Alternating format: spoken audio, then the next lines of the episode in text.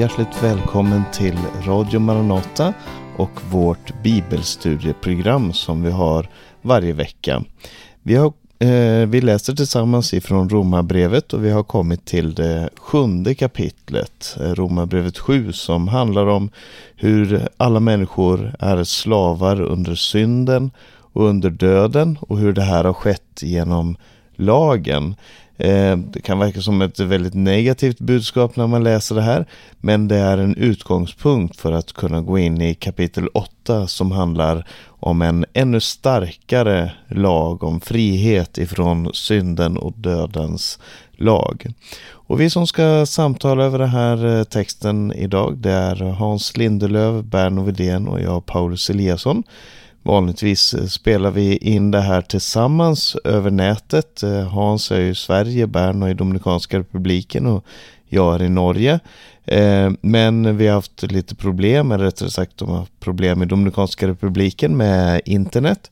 Och därför så spelar vi in i det här programmet varsin del och eh, sedan så klipps det ihop så att du ska kunna höra hela det här programmet. Men därför så ska jag först överlämna ordet till Hans som ska ta den första delen. Eh, sen kommer jag ta den andra delen i kapitlet och till slut Berno med den sista delen. Men nu överlämnar jag ordet till Hans. Sjunde kapitel och jag läser de första åtta verserna. Som följer. Eller vet ni icke, mina bröder, jag talar ju till sådana som känner lagen, att lagen råder över en människa för så lång tid som hon lever. Så är ju en gift kvinna genom lag bunden vid sin man så länge denne lever. Men om mannen dör så är hon löst från den lag som band henne vid mannen. Alltså om hon ger sig åt en annan man medan hennes man lever så kallas hon äktenskapsbryterska. Men om mannen dör så är hon fri ifrån lagen så att hon inte är äktenskapsbryterska om hon ger sig åt en annan man. Så har också ni mina bröder genom Kristi kropp blivit dödade från lagen för att tillhöra en annan. Nämligen honom som har uppstått från de döda på det att vi må bära frukt åt Gud.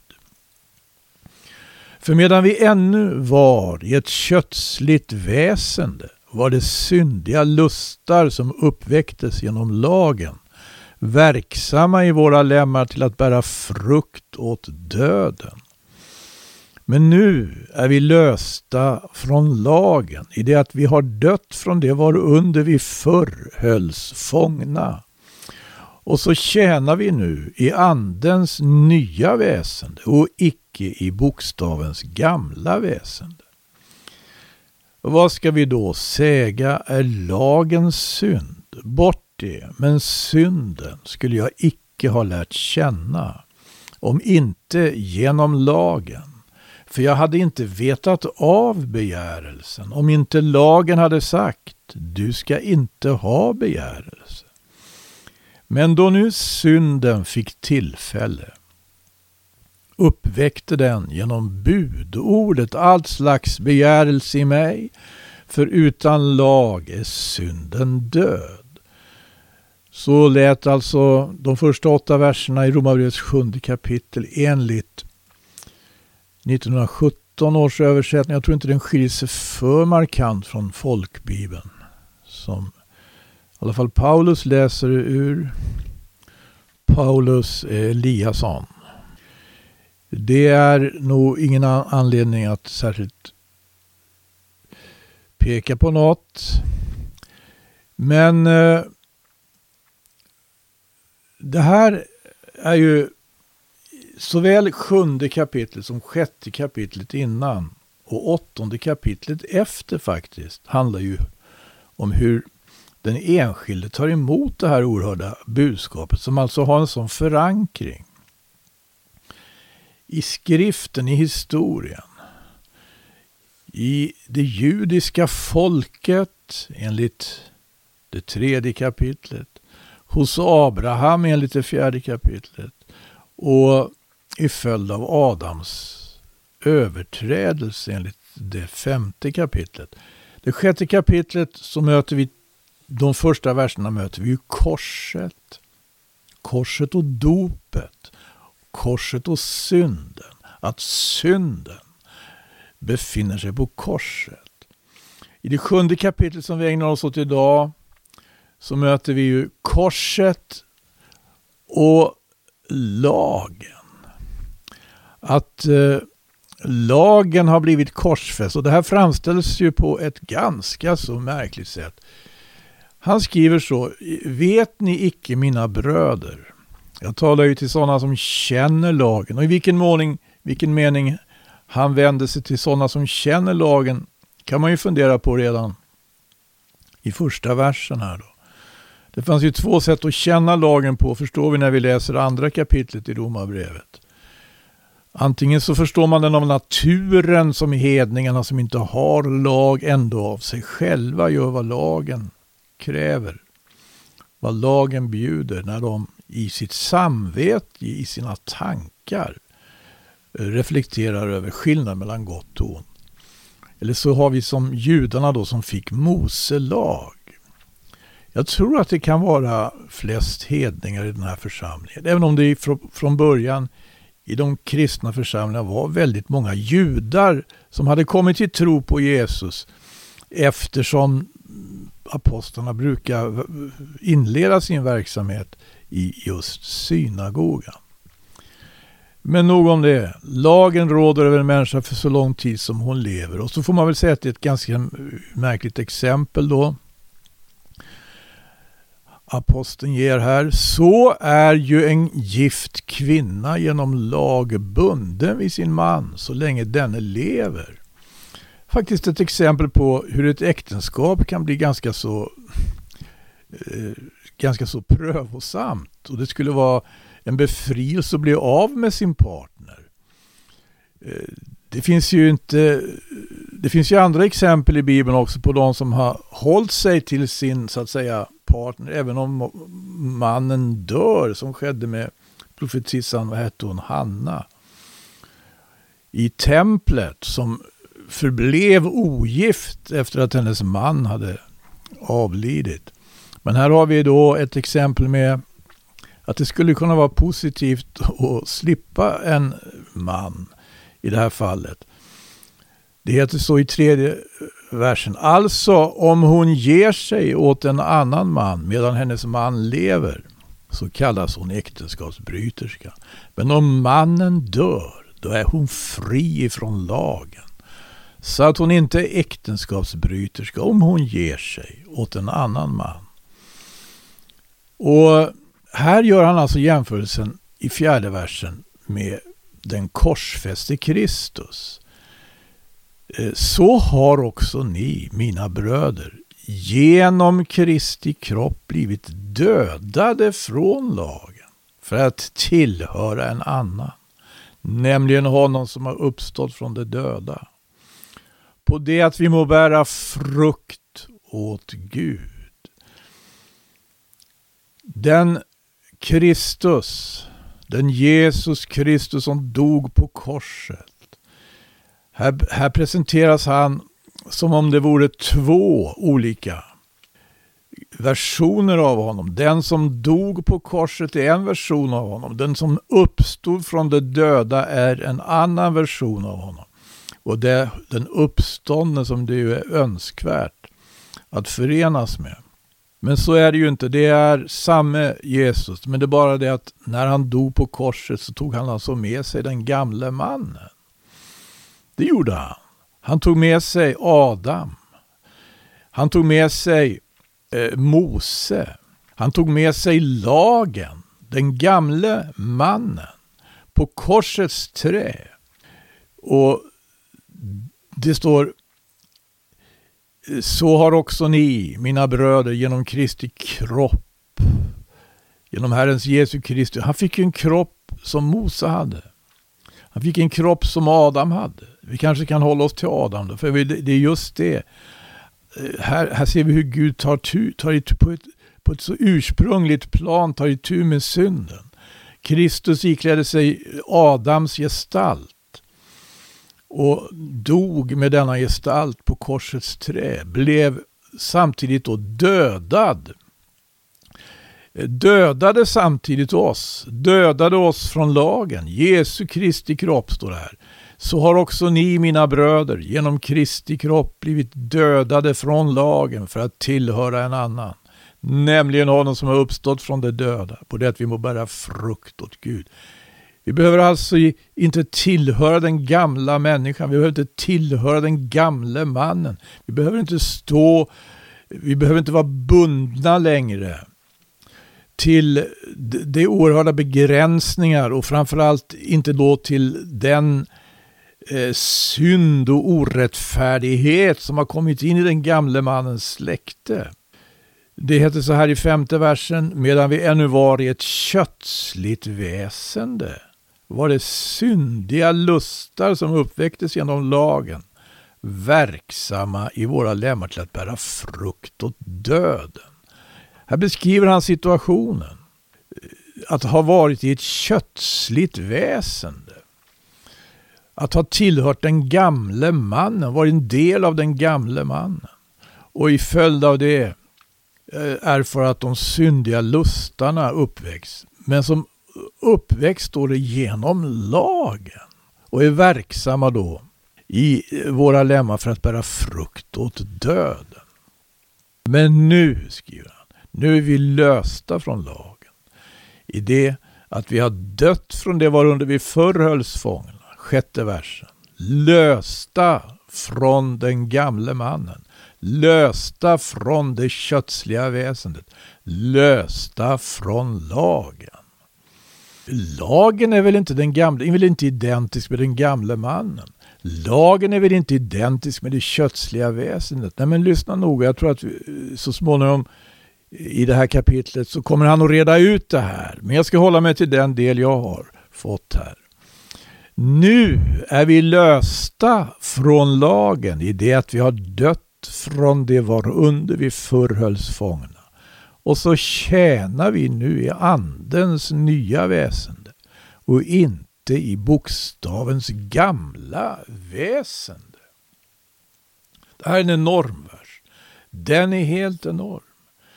Den öppnar verkligen, om vi ber Gud om nåd, för oerhörda perspektiv på vår frälsare, på vår frälsning, på nåden i Jesus Kristus. Vad ska vi då säga, fortsätter den retoriska aposteln. I sjunde versen. Vad ska vi då säga? Är lagens synd? Bort det. Men synden skulle jag inte ha lärt känna om inte genom lagen. För jag hade icke vetat av begärelsen om inte lagen hade sagt du ska icke ha begärelse. Alltså här, här, här, här träffas också eh, den ursprungliga situationen som beskrivs i Bibelns första bok i inledningen med syndafallet.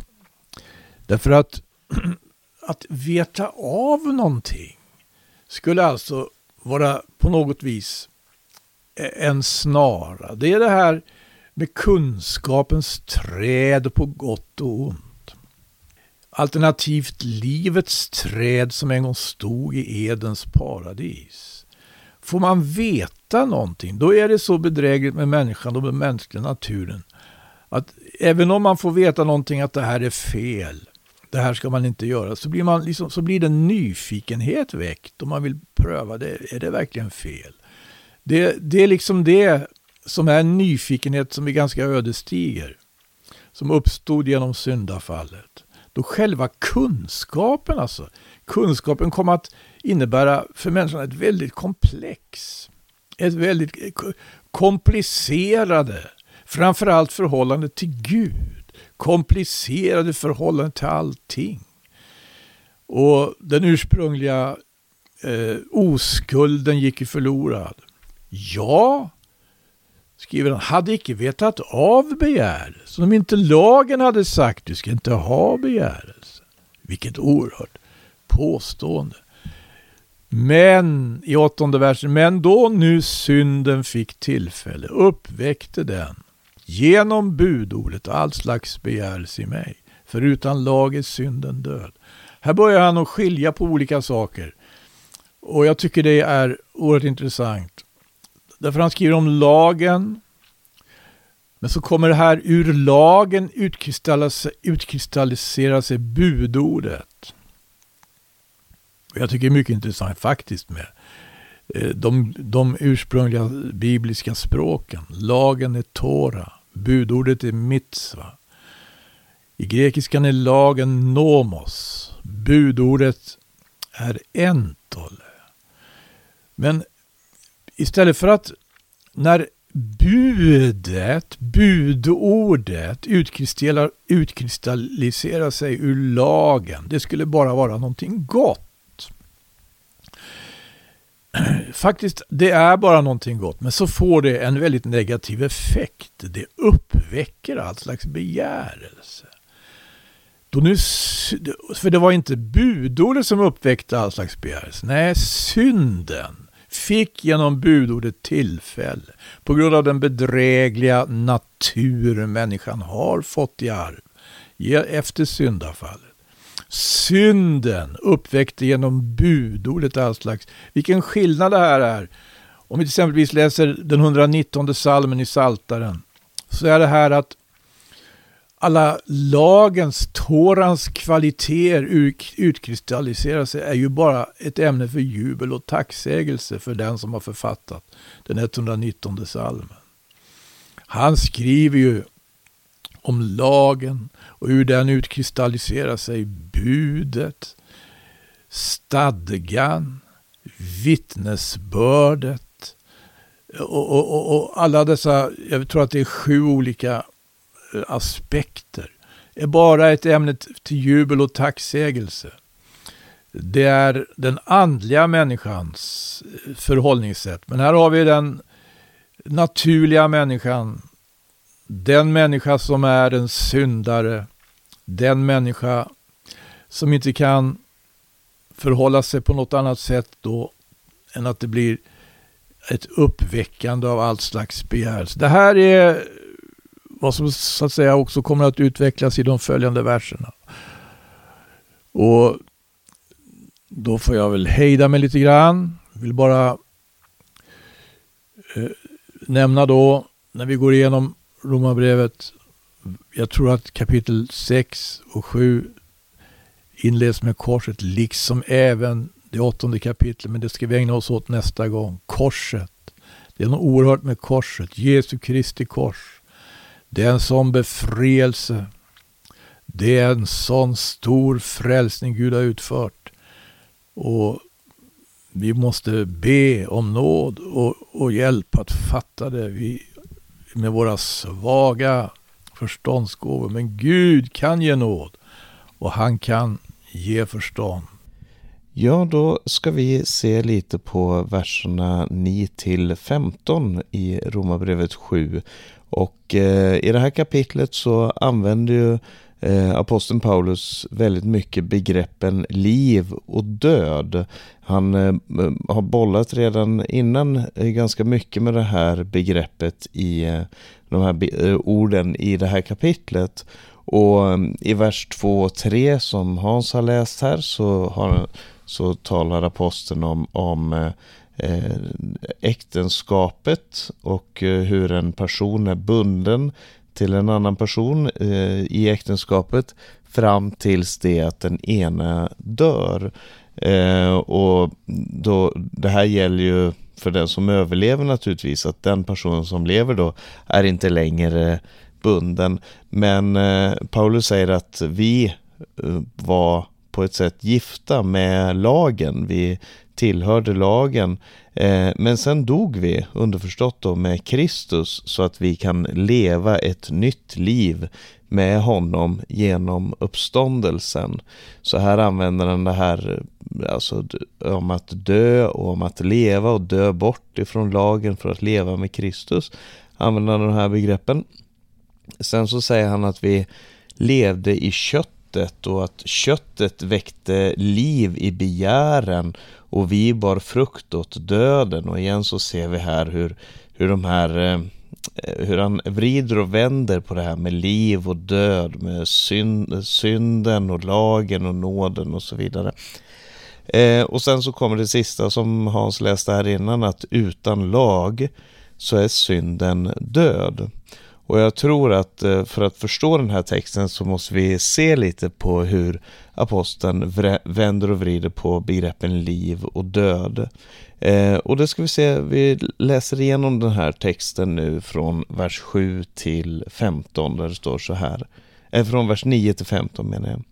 En gång levde jag utan lag, men när budordet kom fick synden liv och jag dog.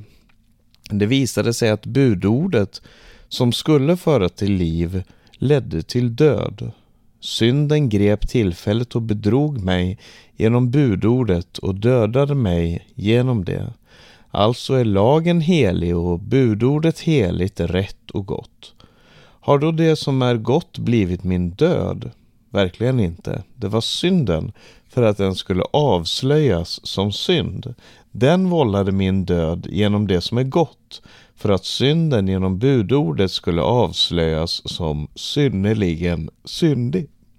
Vi vet att lagen är andlig, men själv är jag kötslig, såld till slav under synden. Jag kan inte fatta att jag gör som jag gör. Det jag vill, det gör jag inte, men det jag hatar, det gör jag.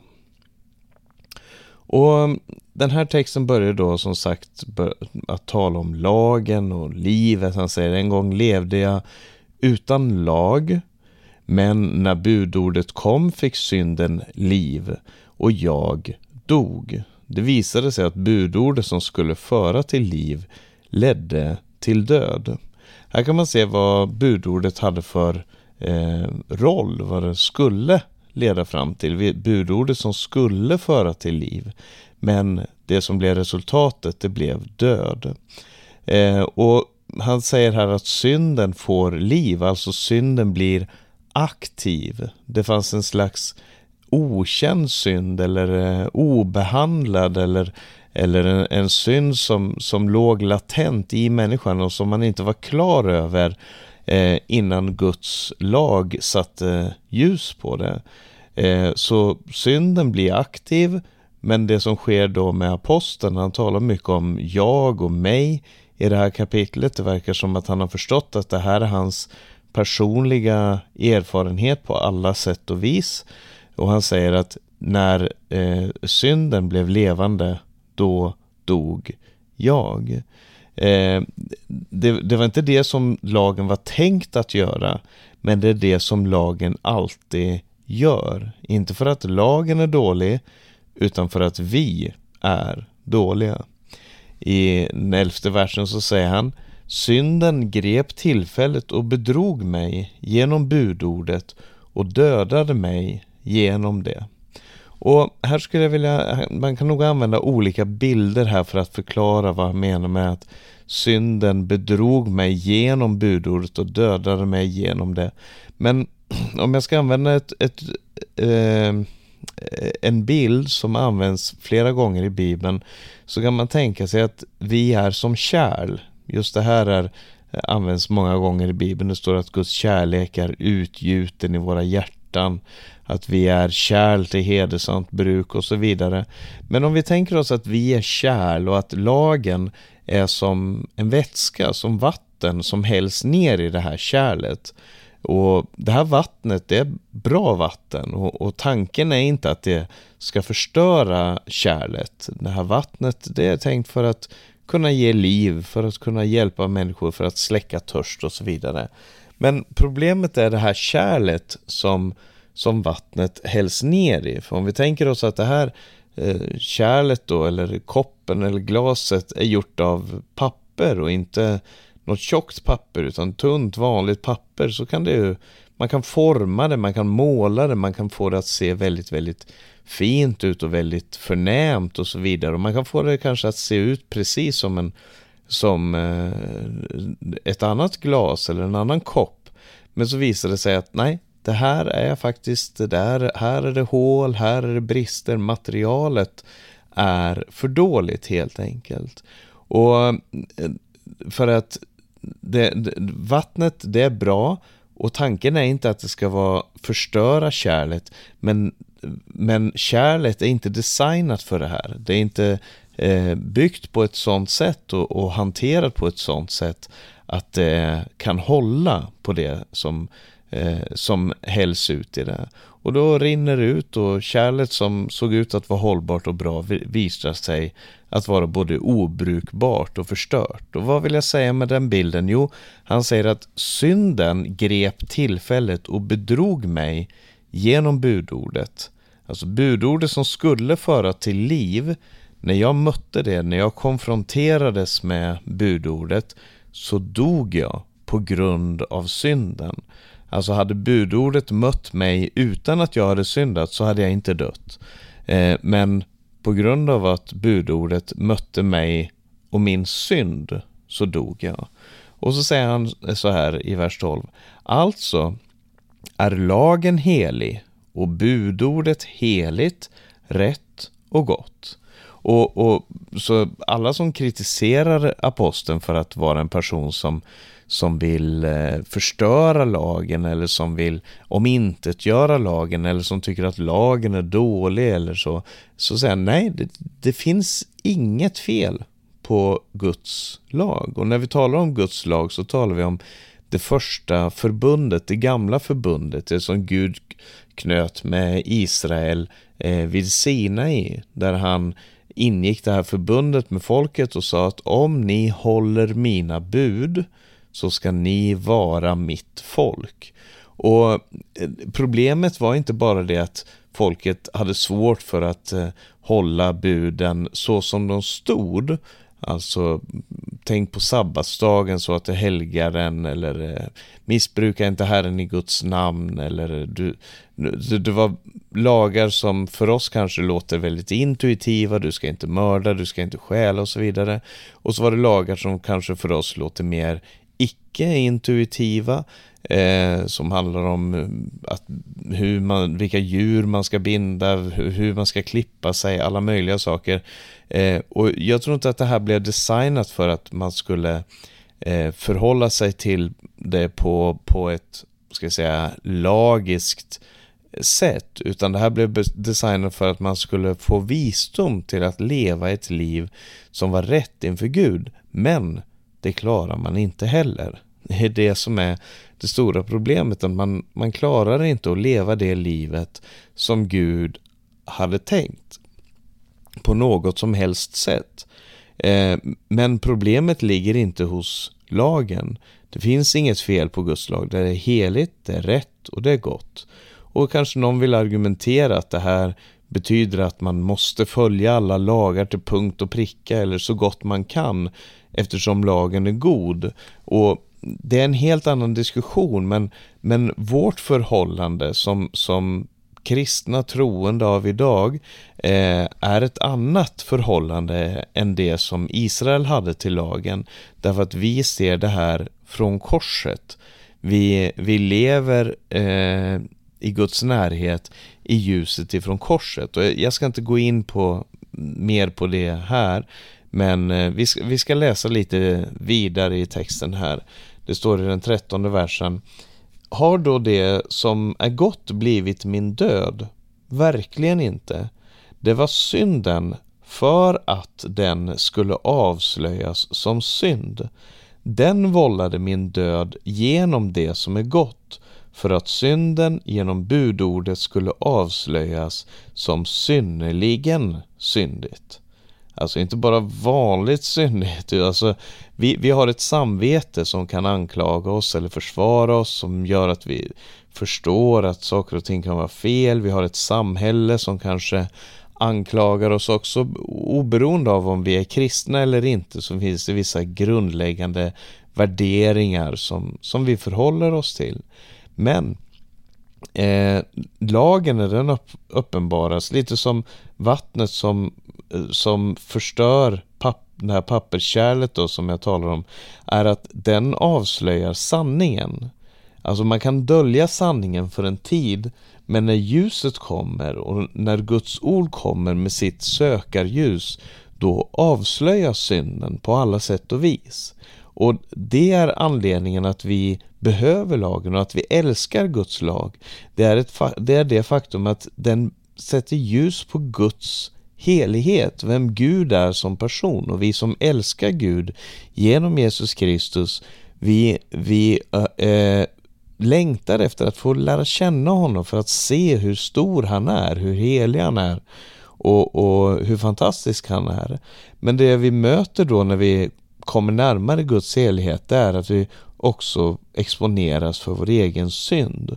Och när vi ser det här då, då förstår vi också att vi behöver en frälsare. Syndanöd kommer inte av sig självt utan vi behöver ett sökarljus. Eh, och det som Paulus säger i slutet av kapitlet som Berno ska få nämna här eh, och tala om alldeles strax, det är det här ropet jag arma människa, vem ska rädda mig från denna dödens kropp? Och det här är syndanöden som, som eh, uppenbaras hos eh, aposteln. Han, han hör, han, han vet att han är en syndare och han ser Guds helighet uppenbarad genom hans lag och så ser han sin egen svaghet, sin egen synd och han eh, ropar då ut, ja arma människa. Det är som Jesaja i Jesaja kapitel 6 som, som där han möter Guds helighet så, så säger han ve mig för jag har orena läppar. Det är det här man behöver i sitt liv är ett sökarljus som bryter ner motståndet, självrättfärdigheten, den här hel, eh, skenheligheten behöver brytas ner. Eh, han säger synden skulle avslöjas som synd och den vållade min död. Det var det som var problemet. Eh, eh att den skulle, det skulle avslöja min synd. Och så säger han så här i den eh, fjortonde versen. Vi vet att lagen är andlig, men själv är jag kötslig, såld till slav under synden. Och ännu en gång så undviker aposteln Paulus att kritisera lagen. Han säger lagen är andlig. Alltså den kommer ifrån Gud, den har sitt ursprung i Guds karaktär. Den beskriver vem Gud är som person. Eh, den är inte svag, den är inte eh, fel på något som helst sätt. Men jag är kötslig. Jag är såld till slav under synden. Och så kommer det här nästan fatalistiska, nästan ja, så bedrövade ropet som man säger, jag kan inte fatta att jag gör som jag gör. Det jag vill, det gör jag inte, men det jag hatar, det gör jag. Och en stor fråga för många teologer och, och bibelforskare genom tiden har ju varit huruvida aposteln här talar om sig själv nu. Alltså att han säger det jag vill nu gör jag inte, men det jag hatar nu, det gör jag. Eller om han talar om en tidigare upplevelse då han levde i synden, innan han kände Gud. Men jag skulle vilja säga som så här att det är helt uppenbart att han har fått ett hat mot sin egen synd. Han säger det jag hatar, det gör jag. Han har fått en ny vilja, han säger det jag vill gör jag inte. Men i sig själv så har han inte kraften att övervinna, så han har fått en ny vilja, ett nytt hat. Eh, innan så, lev, så utan Gud och utan hopp i världen så, så har man inte den här viljan eller det här hatet eller då motsatt den här kärleken. Eh, men även när man har den så upplever man sig väldigt ofta kraftlös. Och jag tror att vi alla kan känna igen oss i det här. Och lösningen som han presenterar här det är ju att få uppleva det som man talar om i kapitel 8 om livets andes lag. Och det ska vi komma in på i nästa program. Men eh, för den stora lösningen den kommer i slutet av det här kapitlet och i kapitel 8. Och därför så ska jag överlämna ordet nu till Berno som ska få ta med oss in i den sista delen av Romarbrevet 7. Ja, det är jag som heter Berno Widén och eh, jag har fått mig tilldelad då det sista eh, avsnittet i kapitel 7, Romarbrevet 7. Och eh, nu har inte jag lyssnat till eh, vad eh, Hans och Paulus sagt tidigare. Så det är mycket möjligt att en del av det vi säger, det går in i varandra så att säga. Det kan bli lite upprepningar, men det är ändå förklaringar och tankar kring det här kapitlet. Och jag läser, för sammanhangets skull så tar jag med fjortonde versen i Romarbrevet 7, även om den kanske har lästs innan. Och så läser vi fram till slutet. Vi vet att lagen är andlig, men själv är jag kötslig såld till slav under synden. Ty jag kan inte fatta att jag handlar som jag gör. Det jag vill, det gör jag inte, men det jag hatar, det gör jag. Om jag nu gör det jag inte vill samtycker jag till lagen och säger att den är god. Men då är det inte längre jag som gör det, utan synden som bor i mig. Ty jag vet att i mig, det vill säga i mitt kött, bor inte något gott. Viljan finns hos mig, men att göra det goda förmår jag inte. Ja, det goda som jag vill gör jag inte, men det onda som jag inte vill, det gör jag. Men om jag gör det jag inte vill, då är det inte längre jag som gör det, utan synden som bor i mig. Jag finner alltså den lagen. Jag vill göra det goda, men det onda finns hos mig. Till min inre människa gläder jag mig över Guds lag, men i mina lemmar ser jag en annan lag som ligger i strid med lagen i mitt sinne och som gör mig till fånge under syndens lag i mina lemmar. Jag, arma människa, vem skall frälsa mig från denna dödens kropp? Gud vare tack, Jesus Kristus, vår Herre. Alltså tjänar jag själv med mitt sinne Guds lag, men med köttet tjänar jag syndens lag. Ja, så långt bibeltexten. Och när vi läser den här texten så, så kom, det kommer fram, det ges tydliga uttryck, just den här kampen mellan det egna jaget, köttet och eh, det nya livet. Ehm, eh, texten som vi läser, Eh, hela det här kapitlet egentligen, den har, det har många olika eh, tolkningar beroende från vilken eh, kyrklig tradition som den ges då. Och jag läste också att hur den här texten, hur det här kapitlet det anses höra till en av skriftens mest svårtolkade texter. Men eh, med det sagt så ska vi inte hoppa över den här texten utan den är ju oerhört viktig. Och Paulus säger så här i 14 versen att lagen är andlig och jag är kötslig. Och det här är något eh, som vi ser eh, kommer fram i mycket av det Paulus skriver i breven. Paulus är ju verkligen en eh, tyngdpunkt när det gäller eh, Nya testamentet. Han har ju gett oss minst 13 brev och det, all den undervisningen, det visar ju på vilken oerhört eh, viktig uppgift Paulus hade om vi läser eh, i första Korinthierbrevet 3 från första versen så står det så här. Bröder, själv kunde jag inte tala till er som andliga människor utan som till kötsliga. Och i vers 3.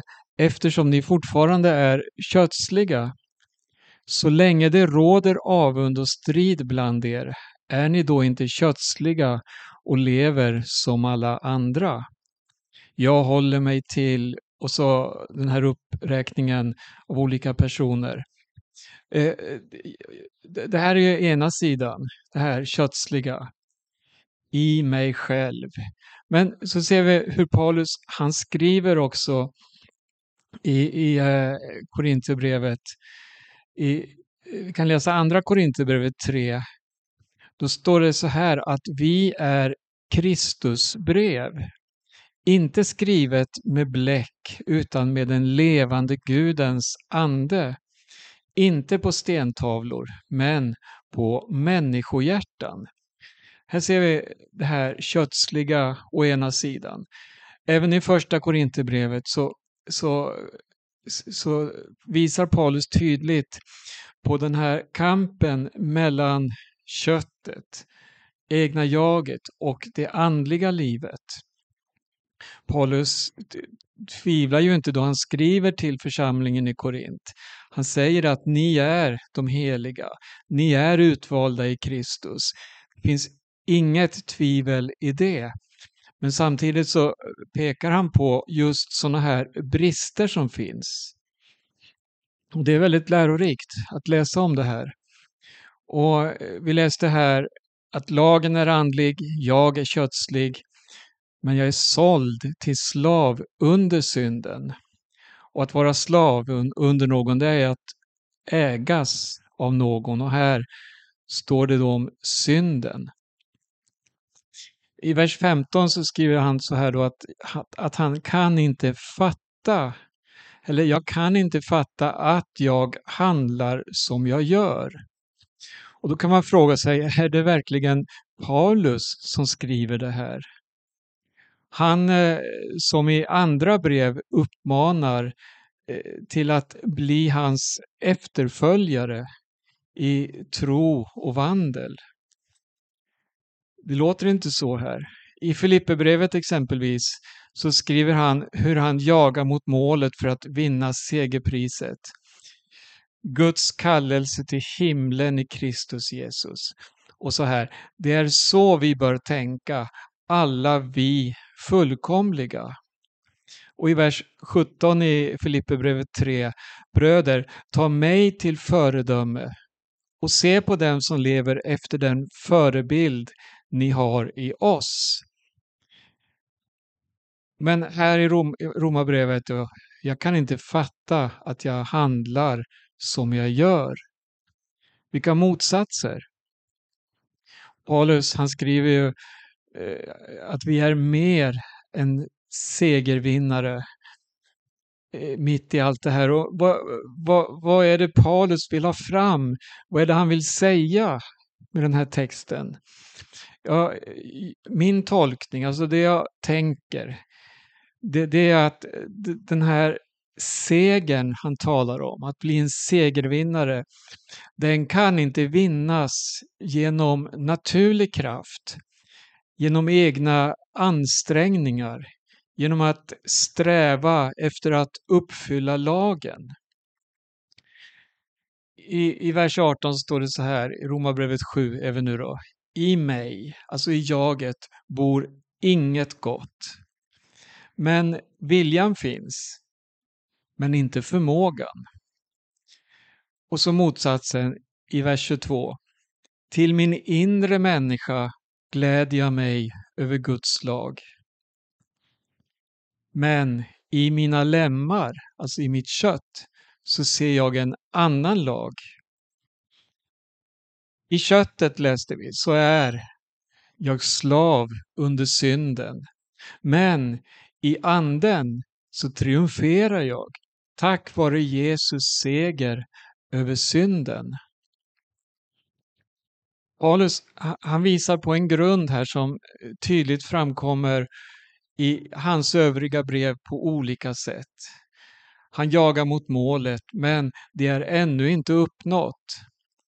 Och mot slutet av hans liv så skrev han eh, trosvisst om segerkransen som ligger där tillreds åt alla som kämpat den goda kampen.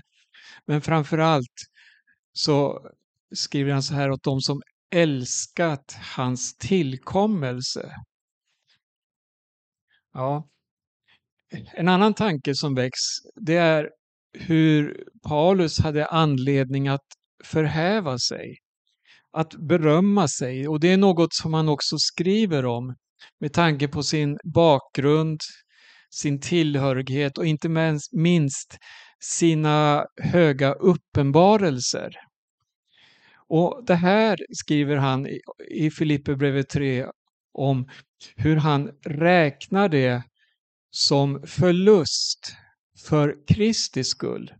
Ja, jag räknar allt som förlust därför att jag har funnit det som är långt mer värt, kunskapen om Kristus Jesus, min Herre.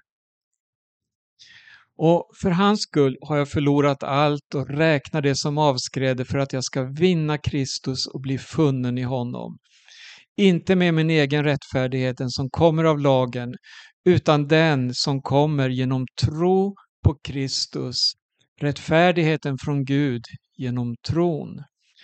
Och så hur han känner Kristus och kraften från hans uppståndelse, delar hans lidanden i hoppet om att nå fram till uppståndelsen från de döda. Här ser vi motsatserna. Det ena räknas som förlust. Ja, det hör världen till på ett sätt. Det hör köttet till. Allt det här.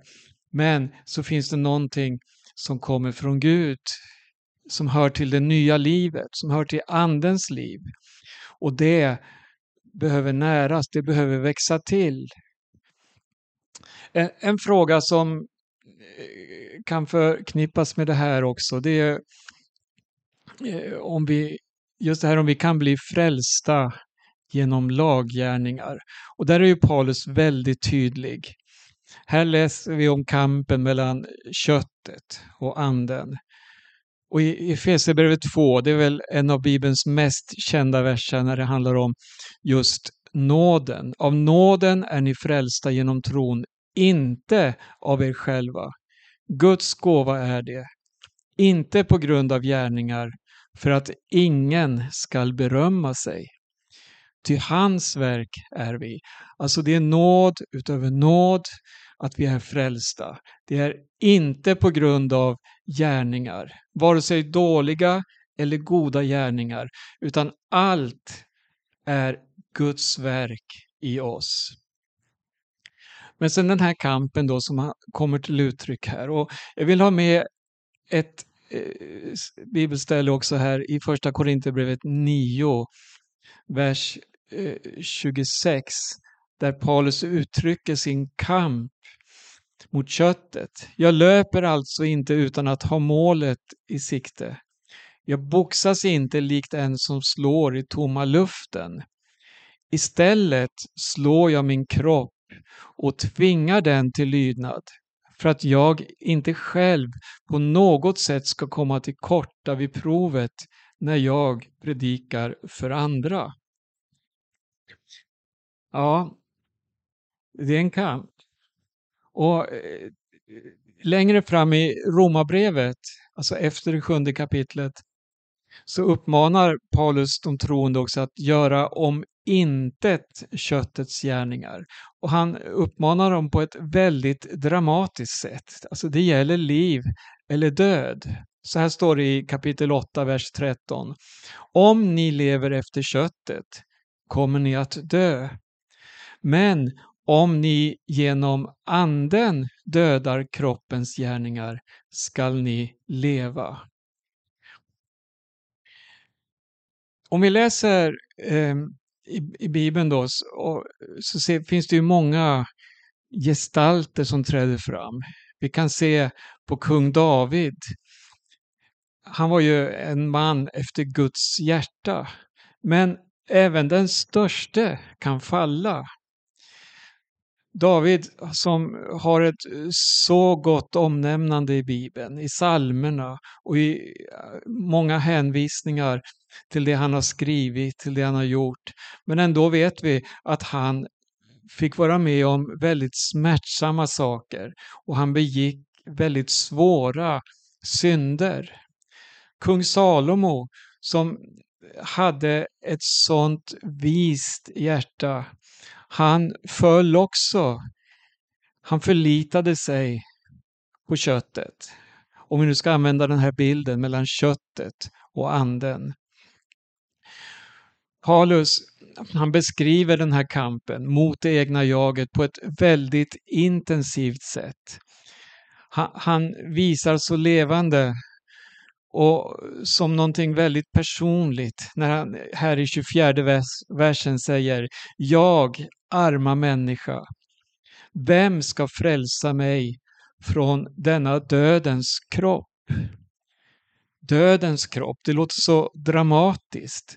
Men han spelar inte teater här, utan det här är en realitet utav syndens makt och verkningar. I kapitlet innan, kapitel 6, så, så skriver Paulus att vår gamla människa har blivit korsfäst med Kristus för att syndens kropp ska berövas sin makt och befria oss från slaveriet. Så det är en ständig kamp. Paulus han uppmanar i sina brev också just om att hålla ut i kampen, att kämpa och fästa blicken på målet. I Filipperbrevet 3 igen, om vi fortsätter läsningen där av det jag eh, nämnt tidigare här, så står det från vers 12. Inte som om jag redan har gripit det eller redan har nått det målet. Men jag jagar efter att gripa det eftersom jag själv har blivit gripen av Kristus Jesus. Bröder, jag menar inte att jag redan har gripit det, men ett gör jag. Jag glömmer det som ligger bakom och sträcker mig mot det som ligger framför och jagar mot målet för att vinna segerpriset. Ja, när vi läser här då om Paulus, hans kamp, vem ska frälsa mig från denna dödens kropp? Så ser vi att han inte bara fann en utväg ur dilemmat, utan han fann utvägen, alltså den enda utvägen. För han utropar så här i vers 25. Gud vare tack, Jesus Kristus, vår Herre. Eh, jag ska ta med en sak till när det gäller Paulus. Han var inte syndfri. Han hade sina bataljer. Han talade om en törntagg, en satans törntagg som plågade honom. Och han hade mycket att brottas med. Men han levde för Jesus och överlämnade sina våndor, sin kamp till honom. Eller han överlämnade sitt liv åt Jesus. Att han skulle förminskas, att Jesus skulle växa till. Ett exempel vi kan läsa om Paulus som visar på en kanske onödig konflikt. Det var hur han hanterade situationen med Barnabas som var en eh, medkämpe, som var en eh, medarbetare på missionsresorna. Och de hamnade i osämja och skildes från varandra på ett väldigt tragiskt sätt. Men vi ser ändå hur det här då eh, ledde till att evangeliet nådde nya platser för båda två. Båda drog vidare och båda förkunnade evangelium. Och vi ser också hur orsaken till konflikten, alltså personen det handlade om, det var Johannes Markus. Hur också han längre fram blev till hjälp och välsignelse åt Paulus. Men den här kampen fanns där. Köttet. Men i slutändan, den som ödmjukar sig, eller den som älskar Gud, för den samverkar allt till det bästa. Kapitlet avslutas med den här versen. Alltså tjänar jag själv mitt sinne, med mitt sinne, förlåt, Guds lag, men med köttet tjänar jag syndens lag. Ja, det känns eh, aningen bristfälligt, eller vad ska jag säga, att avsluta med den här frasen. Att med köttet känner jag syndens lag. Men det finns en fortsättning. Vi har ett underbart kapitel att se fram emot. Eller som det står, i en av Åge Samuelsens sånger så här. Du har länge bott i Romarbrevet 7, min käre vän, och du gör allt det som anden icke vill. Fly nu till kapitel 8 och kom under andens lag. Ty då gör du det dig anden leder till. Amen. Herre, hör mitt hjärtas rop när jag ber.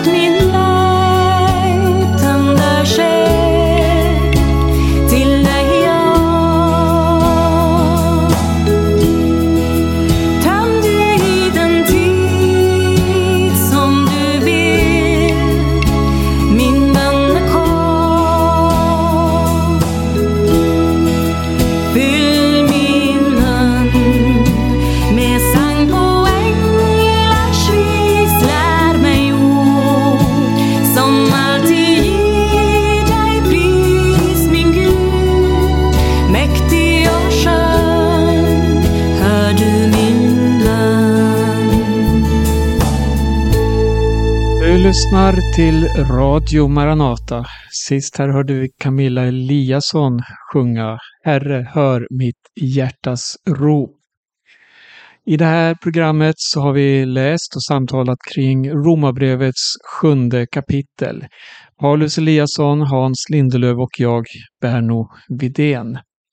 Vi fortsätter den här studieserien, Romarbrevet, varje vecka och eh, nu är vår programtid slut. Eh, jag hinner med att säga att vi har en hemsida, maranata.se, där du kan lyssna till alla programmen. De ligger också under Maranata Podcast.